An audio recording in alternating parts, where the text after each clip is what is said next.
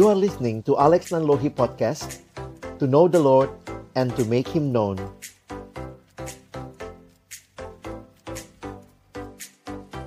Mari Bapak Ibu yang dikasihi Tuhan, kita berdoa sebelum kita membaca merenungkan firman-Nya.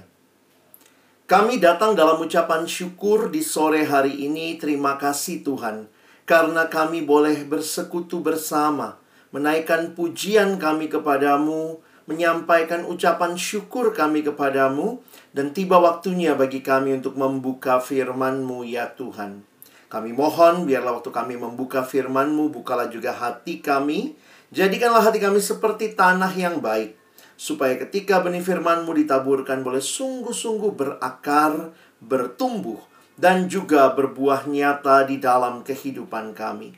Berkati baik hambamu yang menyampaikan, semua kami yang mendengar, Tuhan tolonglah agar kami pada akhirnya bukan hanya jadi pendengar-pendengar firman yang setia, tapi mampukan dengan kuasa dan pertolongan dari rohmu yang kudus, kami dimampukan menjadi pelaku-pelaku firman-Mu di dalam kehidupan kami. Inilah kerinduan kami dan doa kami di dalam satu nama yang kudus, nama Tuhan kami Yesus Kristus, Sang Firman yang hidup. Kami menyerahkan pemberitaan firman-Mu. Amin. Shalom, selamat sore, selamat malam Bapak Ibu Saudara yang dikasihi dalam Tuhan Yesus Kristus. Saya bersyukur untuk kesempatan kita boleh sama-sama beribadah dan juga mendengarkan firman Tuhan pada hari ini. Tema yang sama-sama akan kita pikirkan adalah penyertaan Tuhan. Seringkali istilah-istilah jargon-jargon Kristiani itu dekat dengan hidup kita, tapi marilah kita kembali memaknainya dengan apa yang sama-sama kita boleh refleksikan dari firman Tuhan. Penyertaan Tuhan bukanlah sebuah penyertaan yang di dalamnya kita sendiri melakukan kesalahan atau melakukan yang kita mau. Ada yang bilang, "Wah, saya tadi wih bisa ambil misalnya ya, maaf kalau saya ambil contoh-contoh yang ekstrim. Wah, saya tadi uh, apa ambil duit. Tuhan menyertai karena nggak ketahuan istri. Wah, itu bukan penyertaan yang demikian yang dimaksud. Bukan penyertaan yang di dalamnya kita luput dalam kesalahan yang kita lakukan. Tetapi itu merupakan hal yang justru uh, sangat berbeda ya. Kalau kita mengerti penyertaan Tuhan, maka kita akan mengertinya juga di dalam kebenaran. Jadi jangan Bapak Ibu Saudara melakukan kesalahan, lalu kemudian merasa, wah Tuhan menyertai. Nggak ketahuan, nggak ada yang lihat, nggak ada yang uh, menangkap basah. Nah itu bukan bicara penyertaan Tuhan yang sesungguhnya. Penyertaan Tuhan selalu membawa kita di dalam kehidupan yang benar. Kita sudah ada di bulan yang kedua di tahun yang sudah kita masuki yaitu tahun 2022 rasanya cepat sekali ya. Baru kemarin kita tahun baruan, nah tapi juga kita udah yang merayakan Imlek ya. Udah masuk dalam juga uh, tahun macan katanya begitu ya. Tetapi mari kita melihat kembali apa yang Allah sampaikan kepada kita melalui firman-Nya di dalam Keluaran 33. Keluaran 33 saya akan mengajak kita membaca dua ayat untuk memahami apa yang kita lihat dalam tema yaitu penyertaan Tuhan. Ini adalah sebuah kisah di mana Musa bersama Israel sedang melewati padang gurun dipimpin Tuhan keluar dari Mesir menuju ke tanah Kanaan ya. Keluaran 33 ayat 15 dan 16. Berkatalah Musa kepadanya, maksudnya kepada Tuhan, jika engkau sendiri tidak membimbing kami, janganlah suruh kami berangkat dari sini. Dari manakah gerangan akan diketahui bahwa aku telah mendapat kasih karunia di hadapanmu, yakni aku dengan umatmu ini? Bukankah karena engkau berjalan bersama-sama dengan kami, sehingga kami, aku dengan umatmu ini, dibedakan dari segala bangsa yang ada di muka bumi ini? Sekali lagi ayat yang ke-15 sering kali kita lihat sebagai ayat yang dikaitkan dengan permohonan akan penyertaan Tuhan. Jika engkau sendiri tidak membimbing kami, janganlah suruh kami berangkat dari sini. Bapak Ibu Saudara yang dikasihi Tuhan, untuk memahami ayat ini atau boleh kita katakan sebagai doa, sebagai permohonan yang Musa sampaikan kepada Allah, kita perlu menghayati apa konteks yang terjadi sehingga ayat ini disampaikan. Kalau Bapak Ibu Saudara melihat di dalam bagian sebelumnya ya, kalau kita perhatikan konteks bagian Alkitab ini, kita melihat ada peristiwa anak lembu emas di bagian sebelumnya, yaitu di dalam keluaran 32. Dan kita mungkin sering kali lupa bahwa ada hal yang mengerikan yang terjadi karena Tuhan marah kepada Israel ketika mereka tidak sabar menunggu Musa, lalu Harun memimpin mereka, lalu mereka membuat anak lembu emas dan mereka berkata, "Inilah yang telah membawa kami keluar dari Mesir." Mereka tidak mengakui Allah tapi anak lembu emas itu yang mereka agungkan. Maka Tuhan murka dan kalau kita perhatikan pada hari itu Tuhan membinasakan orang Israel ada kira-kira 3000 orang. Jadi ini peristiwa berdarah sebenarnya kalau kita mengingat konsekuensi dari anak lembu emas. Nah, setelah itu kalau Bapak Ibu Saudara memperhatikan, jadi keluaran 32 sudah selesai. What next? Kalau Tuhan sudah marah seperti ini sampai 3000 orang tewas, bagaimana kelanjutan perjalanan mereka? Jangan lupa, mereka masih dalam perjalanan dari Mesir menuju tanah Kanaan. Maka kalau Bapak Ibu perhatikan di awal pasal 33. Nanti perhatikan keluaran 33 di bagian awal Tuhan memberikan penawaran kepada Musa. Apa kira-kira penawarannya? Apakah Tuhan akan give up? Sudahlah. Kalian sudah begitu berdosa, berhentilah sampai di sini. Ternyata tidak demikian. Perhatikan tawarannya. Kalau saudara memperhatikan, dituliskan sebenarnya Tuhan menawarkan kepada Israel untuk mereka memasuki tanah Kanaan yang berlimpah susu dan madunya itu, tetapi Nah, ini di sini yang menarik ya. Bukan Tuhan yang akan berjalan bersama mereka. Bukan Tuhan yang akan berjalan bersama dengan mereka. Tuhan berkata, "Aku akan mengutus malaikatku." Jadi kalau Bapak Ibu perhatikan, karena Tuhan murka, Tuhan bilang, "Kalau saya jalan lagi sama kamu, nanti makin banyak yang mati di antara kamu." Ya sudah, saya sudah janjikan Kanaan, kamu akan masuk ke sana. Tapi bukan aku kata Tuhan yang akan menyertai kamu Aku akan utus malaikatku Untuk menyertai kamu Dan masuk ke tanah Kanaan Jadi kalau Bapak Ibu Saudara perhatikan Dalam konteks inilah kita menghayati permohonannya Musa di dalam Keluaran 33 ayat 15 sampai 16. Jadi waktu Tuhan menawarkan tetap masuk Kanaan, tetapi Tuhan akan utus malaikat berjalan bersama mereka. Lalu di sinilah, mari hayati lagi ya, ayat 15 dan 16. Apa yang Musa katakan? Jika engkau sendiri tidak membimbing kami, janganlah suruh kami berangkat dari sini. Ini proposal yang Musa sampaikan kepada Allah. Ini doa yang dia sampaikan ketika Allah berkata, "Aku akan mengutus malaikatku, kalian akan tetap masuk Kanaan, tapi aku tidak akan bersama dengan kalian." Musa berkata, "Jika engkau Tuhan tidak membimbing kami, jangan suruh kami berangkat dari sini." Dari manakah gerangan akan diketahui bahwa aku telah mendapat kasih karunia di hadapanmu, yakni aku dengan umatmu ini. Perhatikan kalimat ini Bukankah karena engkau berjalan bersama-sama dengan kami? Dari mana kami ini diketahui umat Allah? Justru karena Allahnya berjalan bersama mereka.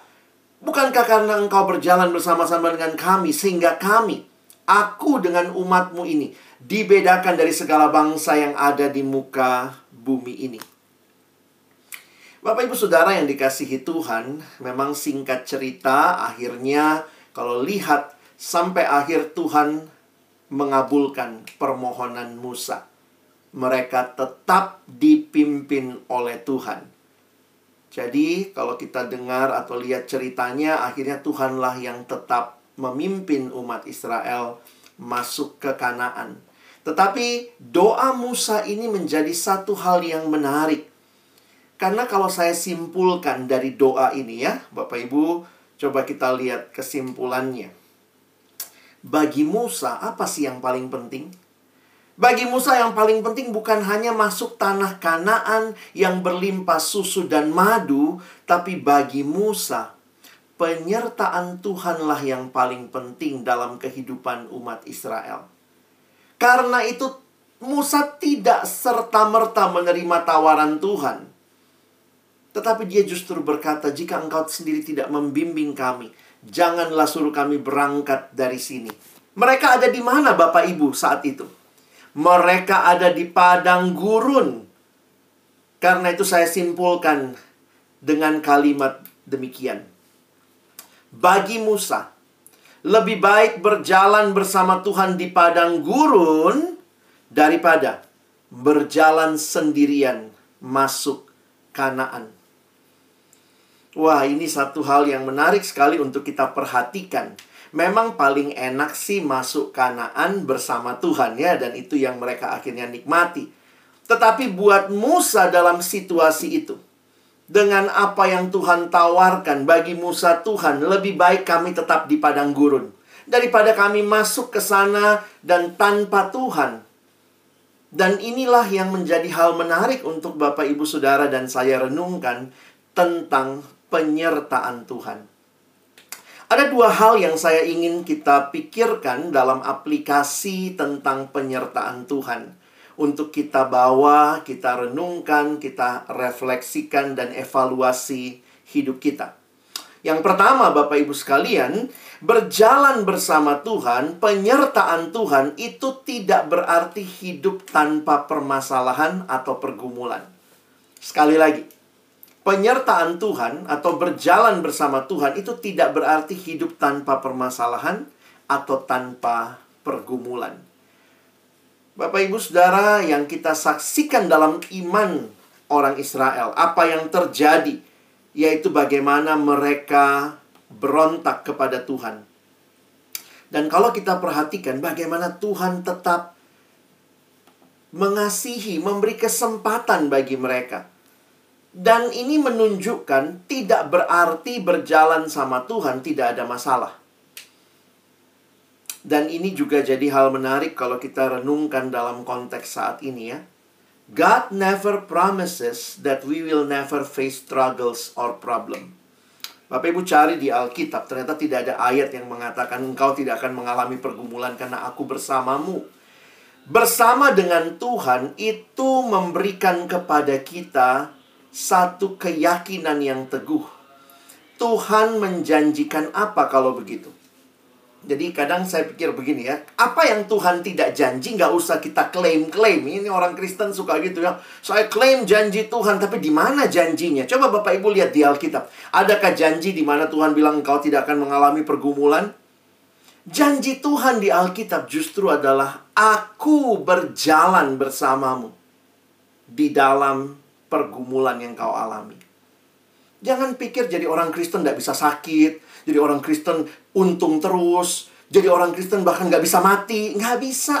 Kita orang Kristen pun orang-orang yang mengalami pergumulan-pergumulan yang dialami orang-orang yang ada dalam dunia ini. Bedanya apa? Bedanya adalah karena kehadiran Tuhan itu yang menguatkan kita. Mungkin ketika orang lain kita lihat sudah menyerah karena dia berjuang dengan kekuatannya sendiri. Maka anak-anak Tuhan bisa tetap berharap, bisa tetap percaya, bisa tetap maju melangkah karena indahnya kehidupan adalah ketika Yesus berjalan bersama kita. Life is a journey. And it's a journey with Jesus. Jadi Bapak Ibu apa yang bikin hidup kita indah? Bukan karena nggak ada pergumulan. Jangan pikir hidup indah karena nggak ada pergumulan. Mungkin rasanya sedikit lebih nyaman aja, Pak, kalau nggak ada pergumulan. Tapi, perhatikan. hidup kita menjadi indah bukan karena kita tidak kita menemukan atau memperoleh apa yang kita mau atau mencapai hal-hal apa yang dunia anggap berharga atau tidak punya pergumulan tapi hidup itu indah karena relasi kita dengan Tuhan. Keyakinan bahwa Dia Allah yang berjalan bersama kita. Keyakinan bahwa Dia adalah Bapa kita. Dia yang memiliki hidup kita dan dialah yang seharusnya menjadi kebahagiaan kita yang utama ketika berjalan di dalam hidup yang singkat ini. Jadi Bapak Ibu Saudara sekalian, Tuhan kalau mau kasih berkat mah gampang ya Bapak Ibu ya. Tapi jangan lupa,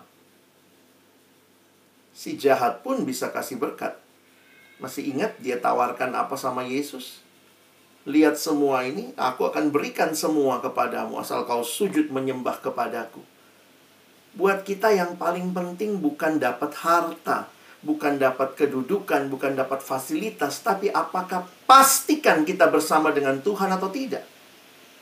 Dan ini membawa kita kepada poin kedua, poin saya yang terakhir. Kalau penyertaan Tuhan berarti hidup yang bersama Tuhan, melewati pergumulan, maka jangan lupa. Saya ingat begini ya.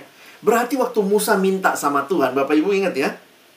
Baru saja mereka dengan anak lembu emas binasa 3000 orang. Terus sekarang Musa bilang, "Tuhan, jangan suruh kami berangkat, Tuhan, tetaplah bersama kami, sertai kami." Kalau begitu, kamu bandel lagi, kira-kira kalau Tuhan bicara begitu ya. Kalau kamu bandel lagi, mati lagi loh Mus, gitu ya. Mati lagi loh Musa. Tetapi itulah permohonan dari Musa yang menyiratkan bahwa penyertaan Tuhan, berjalan bersama Tuhan, itu juga berarti saya siap, saya bersedia untuk hidup seturut kehendak Tuhan. Saya ulangi Bapak Ibu sekalian ya penyertaan Tuhan, berjalan bersama Tuhan, itu juga berarti kita siap untuk hidup kita dipimpin oleh Tuhan, seturut dengan kehendak Tuhan, bukan mengikuti apa yang kita mau.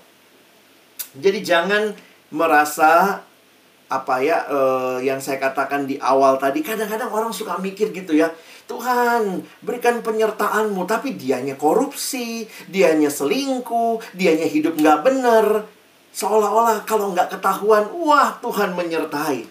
Penyertaan Tuhan di dalamnya juga terkandung konsekuensi kesediaan untuk hidup dalam ketaatan. Hidup dipimpin oleh Tuhan, hidup seturut dengan kehendak Tuhan. Permohonan Musa ini luar biasa Bapak Ibu.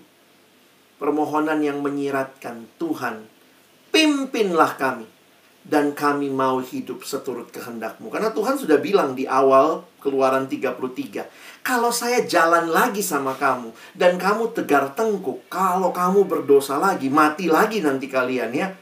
Tapi Musa berkata, Tuhan, berjalanlah bersama kami. Itu berarti menyatakan kesediaan untuk hidup seturut dengan kehendak Tuhan. Bapak, ibu, saudara, Jangan cuma minta penyertaan Tuhan, tapi bersedialah untuk ikut kehendaknya. Memang tidak mudah karena sering kali hidup ini dengan pergumulan tadi ya, membuat kita sulit untuk meyakini bahwa itu memang Tuhan mau buat kita. Saya kasih satu contoh ya yang saya coba hayati tentang penyertaan Tuhan. Kayak apa sebenarnya bentuk penyertaan Tuhan? Beberapa tahun yang lalu dalam satu gereja yang saya pimpin, seorang ibu maju dan bersaksi ketika ada ruang kesaksian dibuka. Dan uh, kesaksian dia itu yang coba saya refleksikan sebagai penyertaan Tuhan. Di situ saya jadi belajar penyertaan Tuhan. Jadi ibu ini cerita dia ngalamin cancer, Bapak Ibu sekalian, dan ibu itu mengalami cancer dan sebenarnya hari itu dia bersaksi bagaimana Tuhan mengangkat kansernya ya. Paling tidak sampai hari itu ya. Saya tidak tahu saya nggak pernah ketemu ibu itu lagi. Tapi dia cerita bagaimana pergumulannya dalam kanker itu. Jadi ketika dia mengalami kanker sudah stadium agak akhir gitu ya. Semua orang uh, ya dari keluarga dari gereja begitu ya. Dan biasanya orang dalam situasi seperti itu cobalah semua alternatif Dan uh, waktu itu juga sudah operasi ya, dia sudah operasi dan kemudian uh, belum kunjung pulih begitu. Nah, singkat cerita kemudian saudaranya saudaranya menemukan satu pengobatan alternatif ya. Nah, saudaranya meyakinkan dia ini ini baguslah, pergilah ke sini. Banyak orang yang sembuh katanya. Dan nampaknya pengobatan alternatifnya itu pakai bumbu-bumbu Kristen begitu ya. Nah, singkat cerita, akhirnya ibu itu bersedia lah ya, dia bersama dengan saudaranya pergi ke Jawa Tengah, tempat pengobatan alternatif ini yang dilakukan oleh seorang yang mengakunya Kristen. Nah, ketika sampai di sana dan kemudian mengikuti proses yang dilakukan dalam penyembuhan, ibu ini menemukan ya, ini kesaksian dia, dia menemukan ini nggak benar ini ini bukan cara-cara Kristen ya. Jadi ternyata jam berapa harus uh, siapin kembang apa, jam sekian siapin ini, jam sekian. Jadi bukan Kristen gitu ya. Tidak bukannya cuma pakai herbal atau apa ya, tapi mesti siapin kembang, lalu ada doa yang harus dibaca di dalam uh, kalimat yang dia juga nggak tahu bahasa apa. Jadi akhirnya waktu dua hari dia di situ, dia menolak melakukan itu. Dan hari yang ketiga dia bilang sama saudaranya yang ikut mengantar, kita pulang saja ke Jakarta. Ini caranya nggak benar. Ini bukan cara Kristen, gitu ya. Ini caranya nampaknya uh, berkaitan dengan penyembahan berhala. Dan apa yang saudaranya bilang? ya biasalah, dibego-begoin ya. Lu tuh yang penting sembuh. Udahlah ikutin aja. Yang penting kan sembuh. Ngapain sih? Udah jauh-jauh kita ke sini, gue udah nemenin, ini gue udah tinggalin keluarga, udahlah ikutin aja. Yang penting kan sembuh. Dan kemudian ibu itu berkeras minta pulang. Dan kalimat kunci yang saya ingat dia katakan, buat saya, lebih baik saya cancer dan saya terus berpegang pada Tuhan daripada saya sembuh, tapi saya menyangkal Tuhan. Bapak Ibu bisa lihat konteksnya ya. Memang sih maunya sih sembuh dan tidak menyangkal Tuhan. Tapi sering kali, kadang-kadang ada masa-masa di mana kita ditantang iman kita. Betulkah yang kita utamakan itu Tuhan? Mungkin kita maunya cepat, kita maunya instan, kita maunya sembuh. Tapi apakah itu semua di dalam penyertaan Tuhan? Karena penyertaan Tuhan bukanlah bicara yang kita mau semata-mata, tetapi apakah itu seturut dengan kehendak Tuhan? Jadi sharing itu sampai hari ini saya tidak lupa. Dan itu yang coba saya hayati juga dalam hidup beriman. Disertai Tuhan bukan berarti Tuhan menggunakan cara-cara yang tidak sesuai kehendaknya. Karena penyertaan Tuhan itu juga membuat kita harusnya hidup seturut kehendak Tuhan. Dan sering kali karena kita ikut kehendak Tuhan, kita dibodoh-bodohin, dibego-begoin, kita bahkan mungkin dicela, orang bilang lu kenapa pakai cara yang seperti itu. Tapi kalau kita tahu itu cara yang Tuhan mau dan sesuai kehendaknya, maka kiranya kita bisa meyakini dalam pergumulan yang sulit sekalipun, kehadiran Tuhan itu jauh lebih utama ibu itu disembuhkan Tuhan dengan mujizat nampaknya. Karena waktu dia cerita itu dia katakan, Tuhan angkat penyakit saya. Tapi yang saya ingat, buat buat dia lebih baik saya tetap cancer.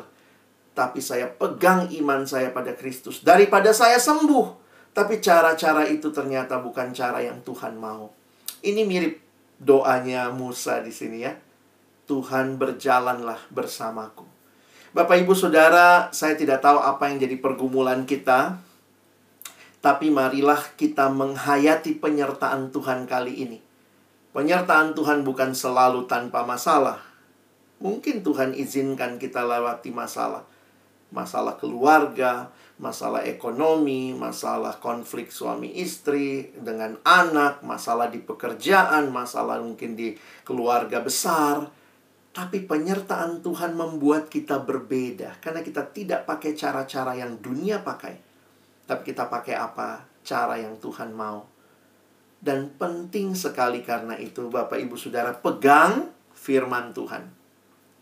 Firmanmu itu pelita bagi kakiku, terang bagi jalanku. Di tengah dunia yang gelap, maka penyertaan Tuhan bisa kita nikmati, boleh kita yakini karena firman ini menjadi bagian. Sediakan waktu setiap hari membaca merenungkan firman. Kita ada di masa-masa pandemi yang masih belum selesai Kadang-kadang kita nanya, Tuhan apakah engkau menyertai ya? Penyertaan Tuhan tidak berarti kita nggak usah prokes gitu ya. Tapi justru kita justru melakukan bagian kita dengan baik. Tahun 2022 sudah kita masuki. Mungkin ada target-target di dalam bisnis kita, di dalam pekerjaan kita. Tapi mari kita juga melakukannya dengan benar. Karena itulah artinya disertai Tuhan. Disertai Tuhan bukan untung dengan cara korupsi. Disertai Tuhan mungkin tidak untung. Tapi ketika kita taat, maka saya yakin ada cara Tuhan memberkati kita. Kadang-kadang kita cuma mikir cara kita, cara dunia ya. Maka mari kita bangun hidup ini di tahun yang baru, goal planning kita dengan baik. Saya tutup dengan kalimat ini. Indahnya hidup tidak hanya diukur dari apa yang kita capai, tetapi bersama siapa kita mencapainya. Banyak orang kaya juga kok ke mana? Ke Gunung Kawi katanya ya. Pesugihan bisa kaya gitu ya. Wah indahnya hidup kalau kaya. Tapi kalau kaya bukan dengan cara yang Tuhan mau. Maka sebenarnya itulah neraka kehidupan. Tapi keindahan hidup waktu kita bersama Tuhan mencapai semua hal, melewati semua hal. Mari Bapak Ibu Saudara nikmati penyertaannya dan berserahlah terus kepadanya. Amin. Mari berdoa. Tuhan terima kasih kami boleh menghayati kembali apa artinya penyertaan Tuhan. Penyertaan Tuhan bukan apa yang kami mau, semua tercapai, apa yang kami inginkan dengan cara-cara kami. Tetapi penyertaan Tuhan berarti kehadiran Tuhan yang menolong kami juga untuk melewati berbagai pergumulan dan bukan mengikuti apa yang menjadi hal-hal yang tidak menyenangkan Tuhan, tetapi justru taat ikut kehendak Tuhan. Itulah artinya disertai Tuhan. Terima kasih.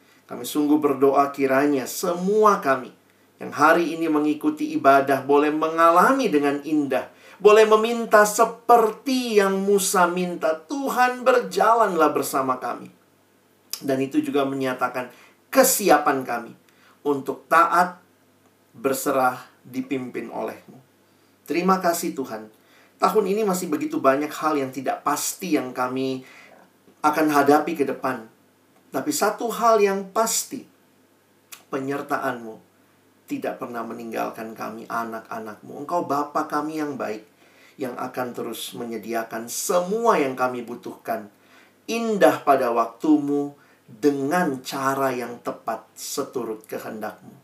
Kami menaikkan syukur berterima kasih untuk firman Tuhan. Kami menutup firman Tuhan dalam nama Yesus kami berdoa. Amin.